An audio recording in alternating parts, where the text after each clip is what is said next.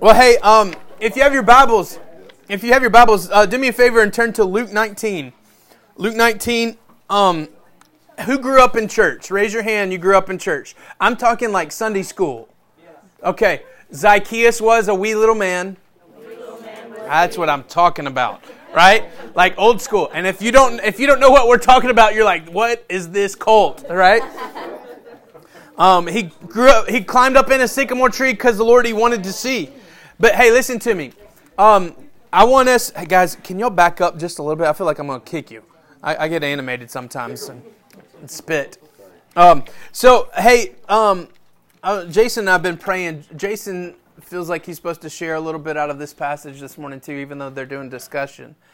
And, um, man, what happens to us in those like nursery rhyme concepts? Like, we take nursery rhyme, add a biblical story that we were taught when we were little, and then it feels like an edge of reality comes off of it, maybe. Yeah. Um, something changes.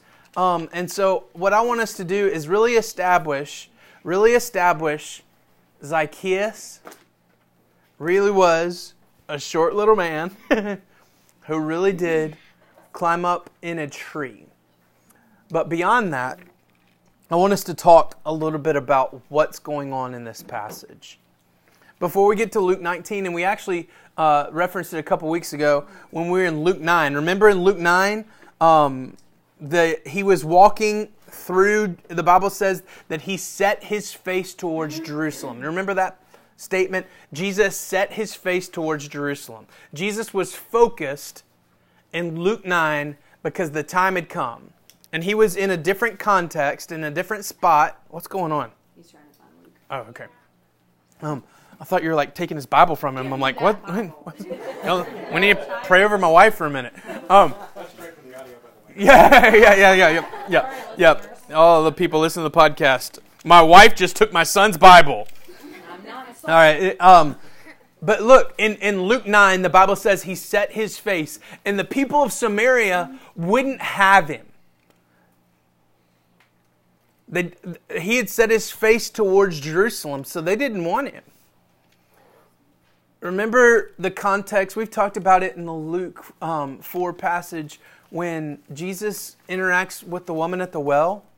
Remember the woman at the well? And the Bible says that he chose to go through uh, Samaria. Usually, Jews, okay, so if you can imagine this, um, they've got to get up north or come south or whatever.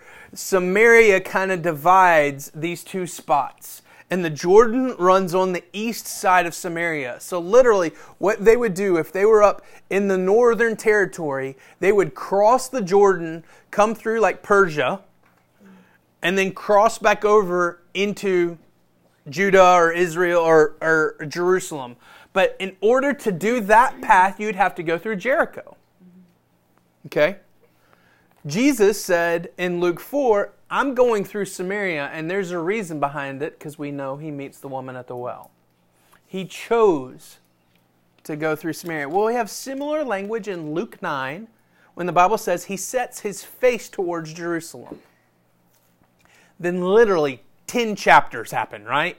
All these different things happen between Luke 9 and Luke 19. But he still has not arrived to, he's still Everybody's being mom today. I love it. Um, he still has not arrived into Jerusalem. And the Bible says this in, in Luke 19. In Luke 19, I'm going to read the first four verses. In Luke 19, he entered Jericho pass, uh, and was passing through. Well, actually, I'm just going to stop and read that first verse. He entered Jericho. So he's done the other journey this time. He'd gone up north through Samaria and saw the woman at the well because he wanted to meet with the woman at the well. But this time he chose not to come back through Samaria, come through the other way. And the only way to do that is to go through Jericho. So watch this. Lorraine. Thank you. Jesus chose to walk through Jericho. In the same way, he chose to walk through Samaria. Jesus chose to go through Samaria so that he could meet the woman at the well, and then he chose this other path to come back through Jericho. Did you know Jericho is not really a city? It was a city. Joshua cursed it, said, No man will ever build another fortress or walled up spot. And to this day, it's just a region. There's not really anything there because Joshua cursed it when the walls of Jericho. There's another one. Joshua fit the battle of Jericho. Remember, like that. There's there's a concept of Joshua cursed it. Joshua shut it down, and no man's built. So there's people gathering in a spot that no one really lives in. Watch this. Verse 2. And behold, there was a man named Zacchaeus. He was a chief tax collector and was rich. He was seeking to see who Jesus was. Oh my goodness. Oh, to have an account of my nature. Ryan is a man who seeks to see who Jesus is, you know? But on the account of the crowd, he could not because he was small in stature. All right, William, what do you think stature means? He was small in stature. He was short. The Bible says he's a short dude, right? So there's lots of people. What happens when there's lots of people? Can you see? No. If you're the tallest person in the room, you might be able to. But he's the shortest. So what does he do? So he ran ahead. He's planning, y'all. He sees the direction Jesus is going. He runs ahead and climbs up into a sycamore tree to see, for he was about to pass that way.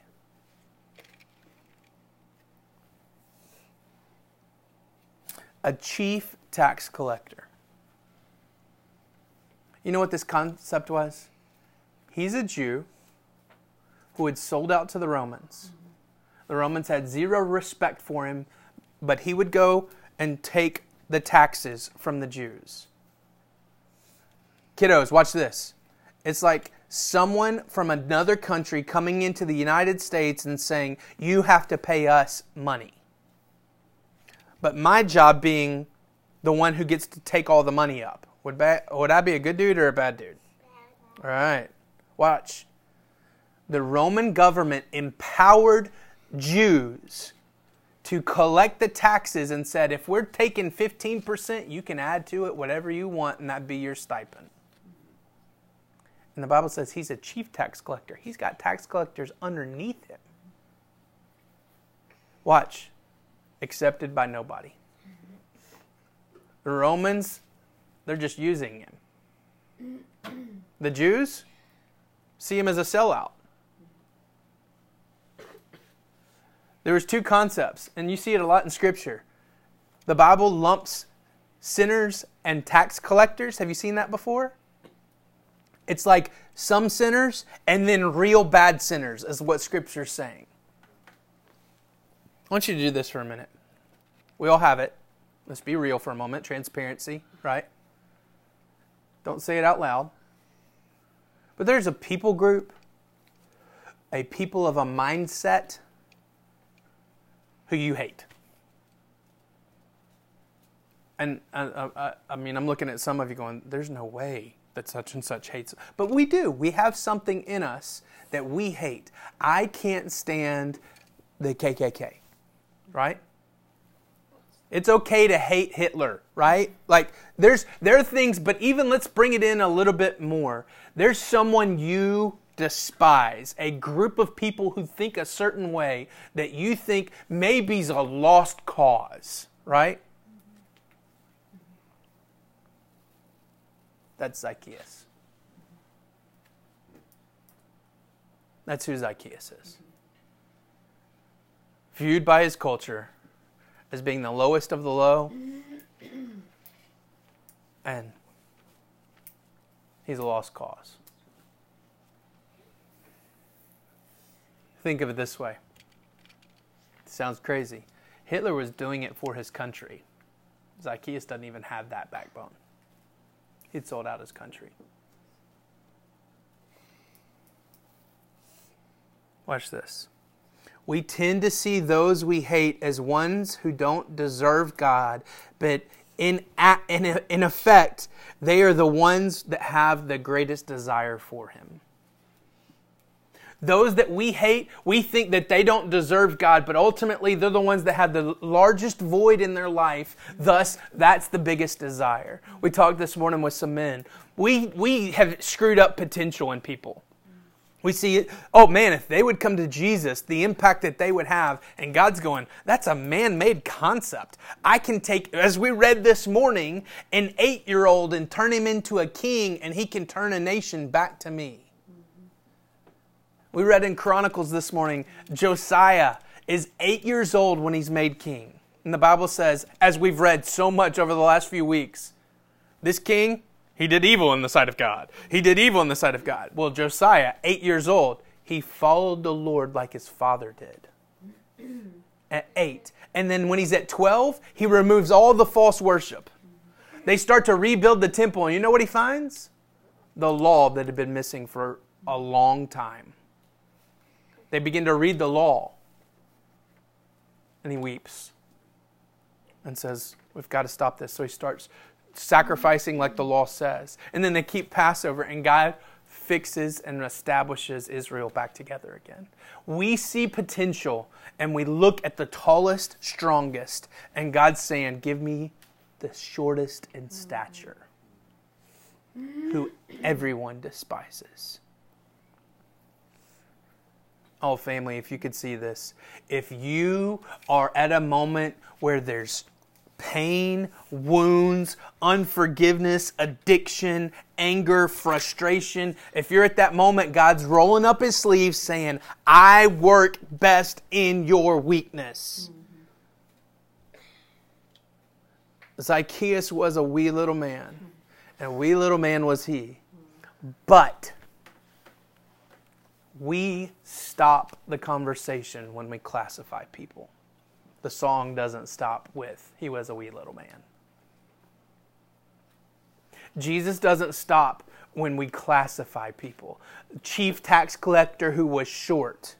No, the story continues. He climbs up in a sycamore tree. Watch this. Let us be people who remove obstacles to see, let others see Jesus and not place them in the way. There's a crowd around Jesus. And the one who Jesus had gone the long route to come through Jericho couldn't see him. The one who Jesus had the divine appointment was obstructed from the Savior. Zacchaeus says, I was born this way, short, and he was right. Put that on social media right now. I was born this way means something different, doesn't it? My role is not to help the worst of the worst or the best of the best in their life. My role is to take the obstructions in my own life to help them see Jesus. To remove the obstructions. There's not one in the crowd willing to step out of the way to let Zacchaeus see. And in fact, they're probably saying, You don't deserve this, and scooting over so he can't see. But let us be a people seeing the God shaped hole in every last heart, seeing the void We've been dealing with stuff in our own lives, like the, the voids, the wounds in our own lives. And it's so easy to take someone who's been wounded, right? You've all seen the Facebook, the cheesy Facebook post. Oh, I wish Karen Hall was here because I feel like she posts these dog videos every time I see it on Facebook. um, these these Facebook posts of the dog who's like rabid and been chained up for years, and the vet who's slowly starting to love and slowly starting to pet, and all of a sudden it changes the dog's perspective, and the dog becomes this happy-go-lucky dog. Right? You've seen that video before.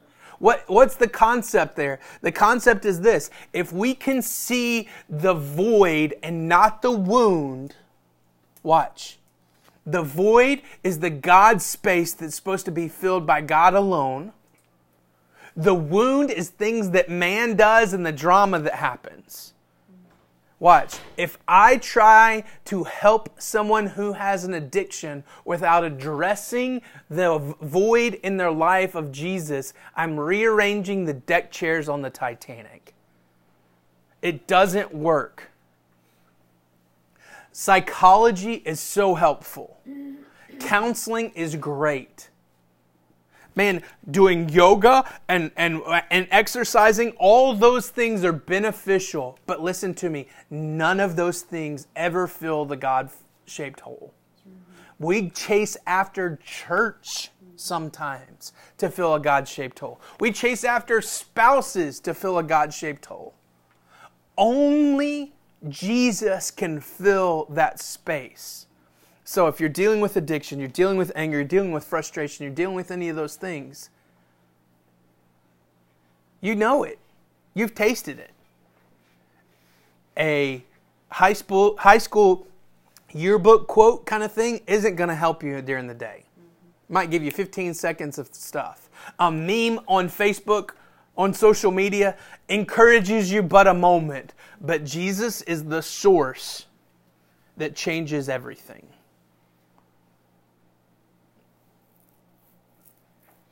There's also an empty feeling in sin that's never enough. And in that empty feeling, it speaks volumes about who Jesus is. Zacchaeus is rich beyond measure, right? Very rich. Yet he still climbs a tree. Think about it. He still climbs a tree. If you have a physical ailment that makes you different from everyone else, a wee little man, do you want to be up high in front of everyone? No. No. If everyone hates you and despises you, we watched this uh, the the Chosen. Have you seen the Chosen stuff on Facebook? Oh, it's incredible. Guy raised ten million dollars, and he's slowly uh, doing a mini series on um, just the Bible, really, the New Testament. But it's ultimately Jesus' life, and uh, and it's not like the cheesy TBN type stuff. It's actually really well done. Um, he took ten million dollars and did four episodes. That's it. And now they're trying to raise more money. And it's really, really well done. Like we watched it and we're like weeping through it. But the whole premise of it is this Jewish tax collector who's trying to tax ultimately, which are the disciples. And this Jewish tax collector has personal security. He gets beat up a couple of times, can't go out. Listen to me. Zacchaeus does not want to be seen but he climbs a tree. You see, even in our sin, when we reach out to the sin and it doesn't fulfill, it speaks volumes of something that might fulfill. There's, I, okay, I tried this. This won't do it. So there, maybe it's this. This won't do it. And when we spend a lifetime switching things, what's it doing? It's speaking, there is a source and I've not found it yet. And I promise you, for those of you struggling in the room right now, each one of us could speak to the source. I've been there, done that. I know. Here's the source. I need you to remind me in a couple months where the source is, too. Climbing a tree speaks volumes, saying, I want more than this. Sometimes our own perception of sinners becomes the obstacle for the sin problem that needs to be fixed. And in that moment, we quit being the church when we perceive sinners and create an obstacle, why are there hypocrites in the church? Because that's where love is found. why are there sinners in the church? Because that's who we are. Why is there not more growth in the church? Because we're jacked up. The church is healthiest when there's someone who's dealing with an addiction and someone walking in the Spirit. And you're going, hang on, someone dealing with addiction. Guess what? We're all dealing with addiction. And this side of heaven, there won't be a moment that we're not dealing with addiction. So the church that's meant for this side of heaven is healthiest when we're real about the thing that's going on and we're brushing shoulders with one another. We're living in community, not isolating, not, not being the, the stubborn person who puts up their guard when someone asks a question.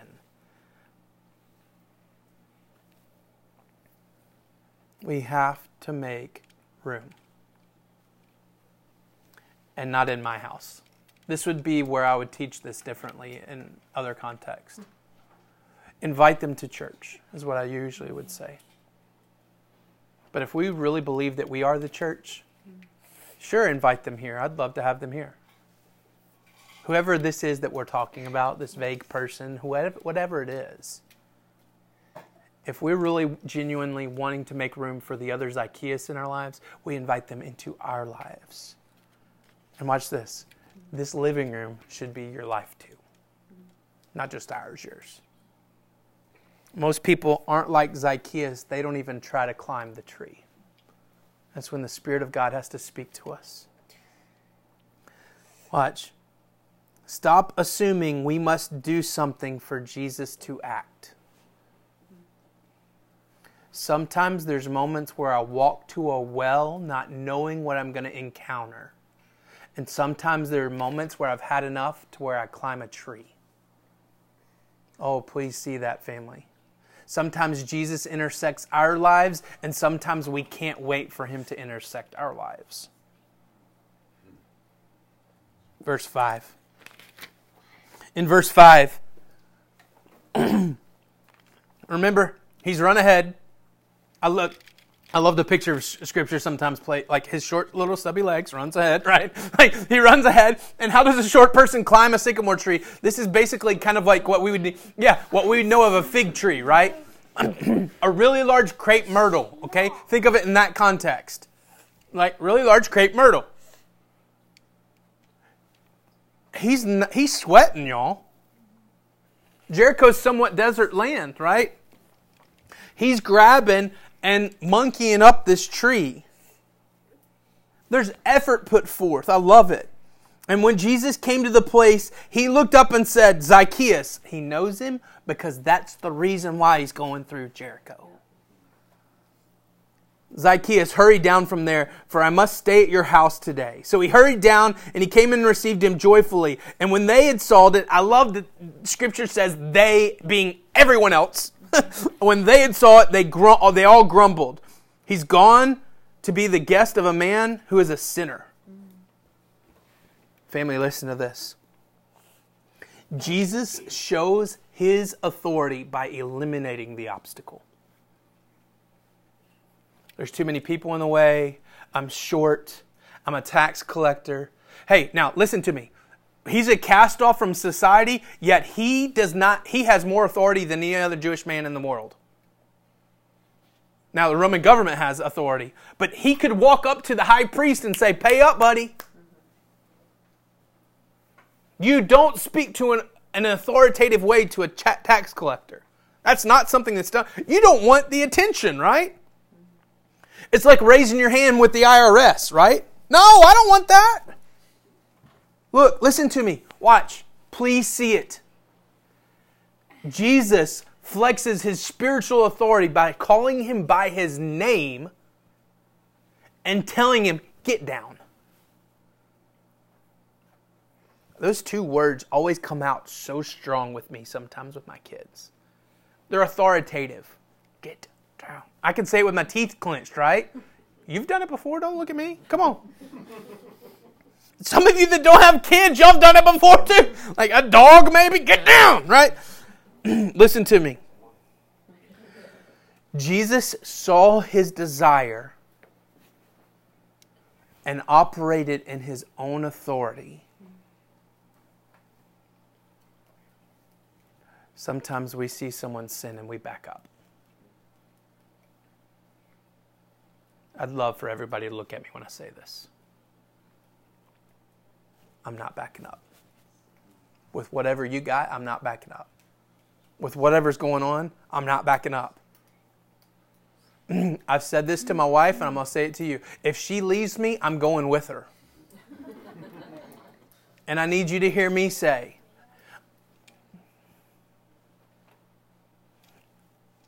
I don't care about the drama. I want the Lord to fill the void in your heart. I don't care the statements that you've made or the things that you've done. I want the Lord to fill the void in your heart. And I have a little bit of authority. I don't have Jesus' authority. Now, He said He's given authority to us. But this is Next level. Jesus walking up to a man he's never met before, calling him by name. Now, there is a very good possibility, and lots of theologians think that Jesus calls him Zacchaeus because Jesus has paid him before. But in this moment, because of Zacchaeus' act of desire, Jesus steps in with full authority and says, Get down. And then, in a moment of repentance, is the act of climbing down the tree. What does Jesus do in that next moment? I'm coming over. The Rileys invite Max over to swim a lot. And we just have been busy this summer, hadn't gotten to do it much, but we did do it. But Max invites himself over to swim sometimes too.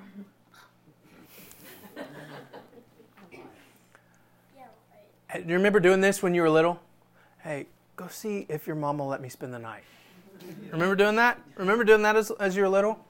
There's cultural norms here that we don't invite ourselves over.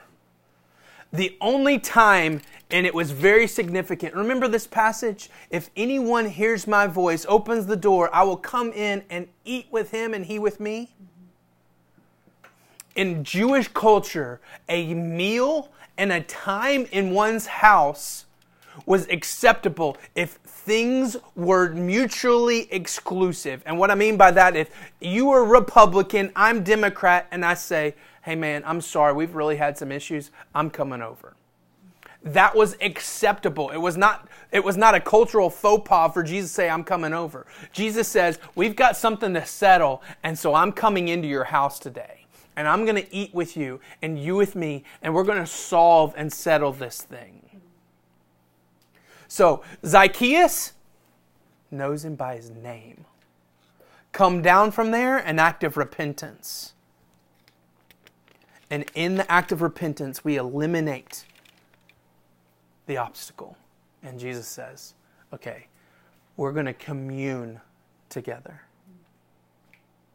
I love this. Jesus sees our isolation, our wounds, our obstacles in our lives, and leans into them. The next verse says, and I'm going to emphasize Zacchaeus hurried down from there, for I must stay at your house today. So he hurried down and came and, and received him joyfully. Mm-hmm. Hang on. See the polar opposite. And when they saw it, they all grumbled. Do you see it? This would be the Venn diagram. Where are you on the diagram right now? Joyfully or grumbling? I love this. Those who've not moved, those who are a part of the crowd, those who did not step out in some act of faith because they were too caught up in themselves, who weren't willing to display on transparently their tax collector status, their shortness by climbing a tree, are the ones who are grumbling. But those who act by faith, who pursue Jesus, and Jesus corrects and says, Get down, I'm coming over. He establishes a relationship, and thus there's joy.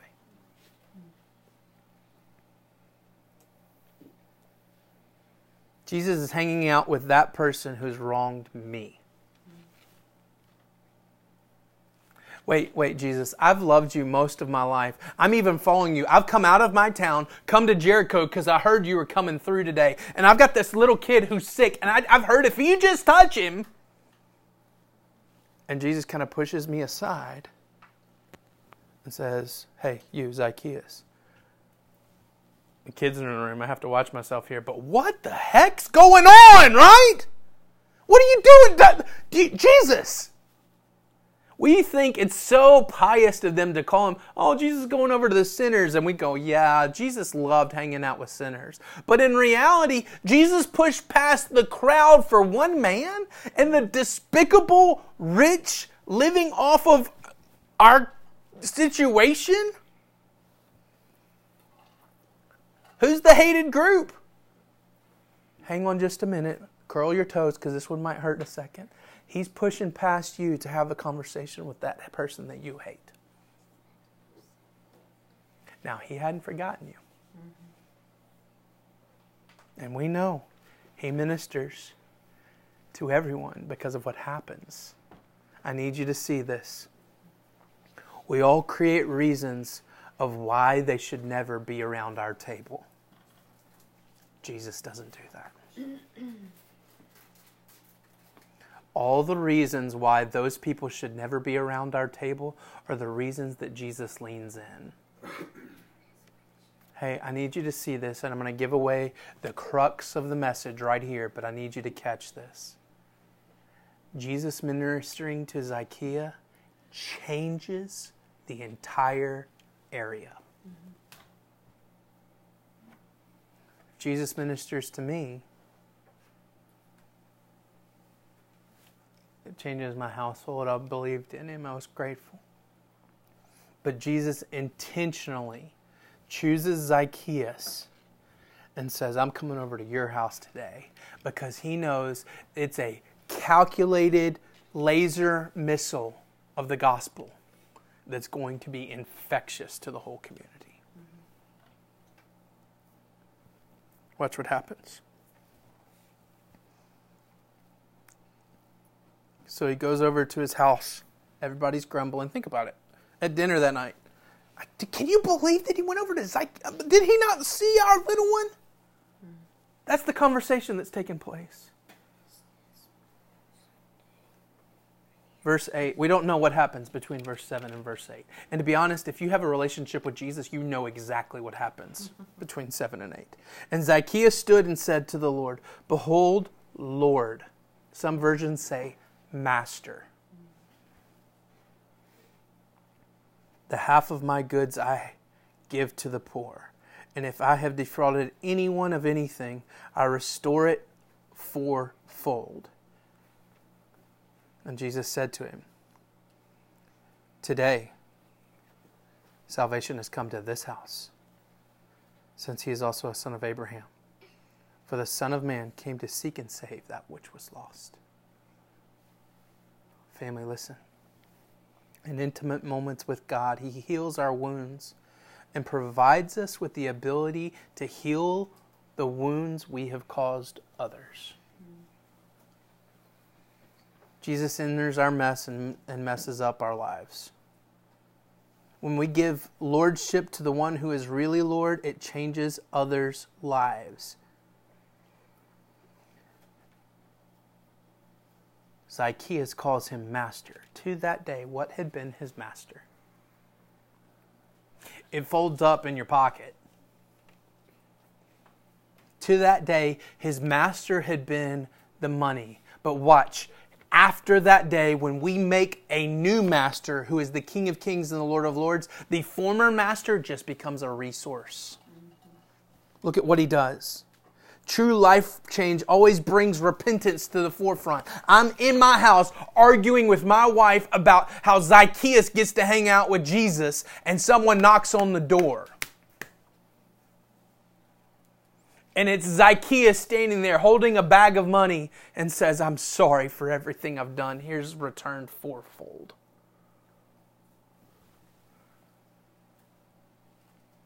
In that moment, I eat every word I've ever eaten and speak to the King of Kings like I've never spoken before. Because when I see the repentance and redemption in each of you, it drives me deeper into repentance and the redemption that Jesus provides for me. And then I realize he's doing it to every house down the street. And I get more of Jesus in that moment. I love the parallels. What happens to the woman of the well? She goes back to the community. And the Bible says that Jesus turns to the disciples as the community's coming back to Jesus because she said, This man is the Messiah. You got to come see him the community's walking up the hill, he turns to the, uh, to, to the disciples and says, The harvest, look, the fields are white with harvest. And we quote that one constantly when we talk about ministering to people in our community. You know the other one we quote constantly? He came to seek and save that which was lost. And he says that to Zacchaeus in the same context where he comes down in a different route to meet with Zacchaeus, to speak into his life, to see redemption get all over him, and then repentance take place in his community. Do you see what Jesus is showing us? He rolls his sleeves up in the mess of our lives for other people.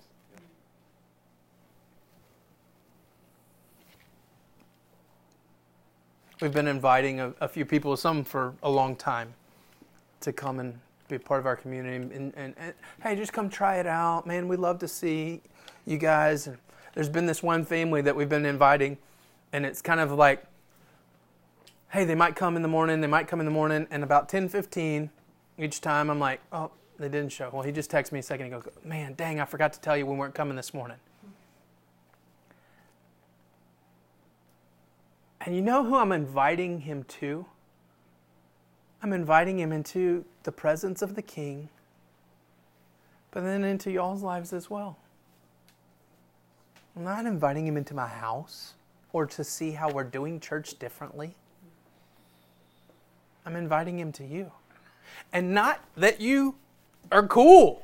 I think you're kind of cool, but not that you're cool. But listen, you have a story of I hated God and I climbed this tree and he came and called me out and said, I'm coming over to your house today. And he touched me and he changed me and I have to give everything away because of it.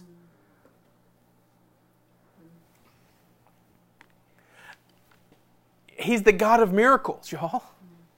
And the miracle is the fact that you're sitting in this room and that we're sharing the story of each one of us and even these kids. He's a God who chose to step in it when he came to the planet. And he calls each of us to step back into it with someone else. Zacchaeus normally knocked on doors to receive money. God took the process of sin that had been so evident and the reputation of Zacchaeus ran it through the ground for years, and then uh, used that and said, Now let's go back and do the same thing, but this time give them more. So here's the question today What you got to give? What's your story of redemption? We could talk about the folding money. We could talk about the bags that Zacchaeus took out. And of course, man, I mean, like Jesus talks about money a lot, y'all, because we know that's an evidence of where our master is, right? But it's beyond that. What's your story? What's the angle that God's given you for such a time as this? Why are you here? And it's to get in my face, to get in her face, to get in one another's faces and say, hey, he's good, isn't he? No, I don't know about that. And to lift my chin and go, hang on now. Yeah, he is. Let me tell you what he did today. And then a few weeks later, roles are reversed. And I see you, I'm like, hey, he's good, didn't he? And, you go, and I flip your chin up and go, hang, hang on now. Let me tell you what he did today. Let's crush isolation, y'all.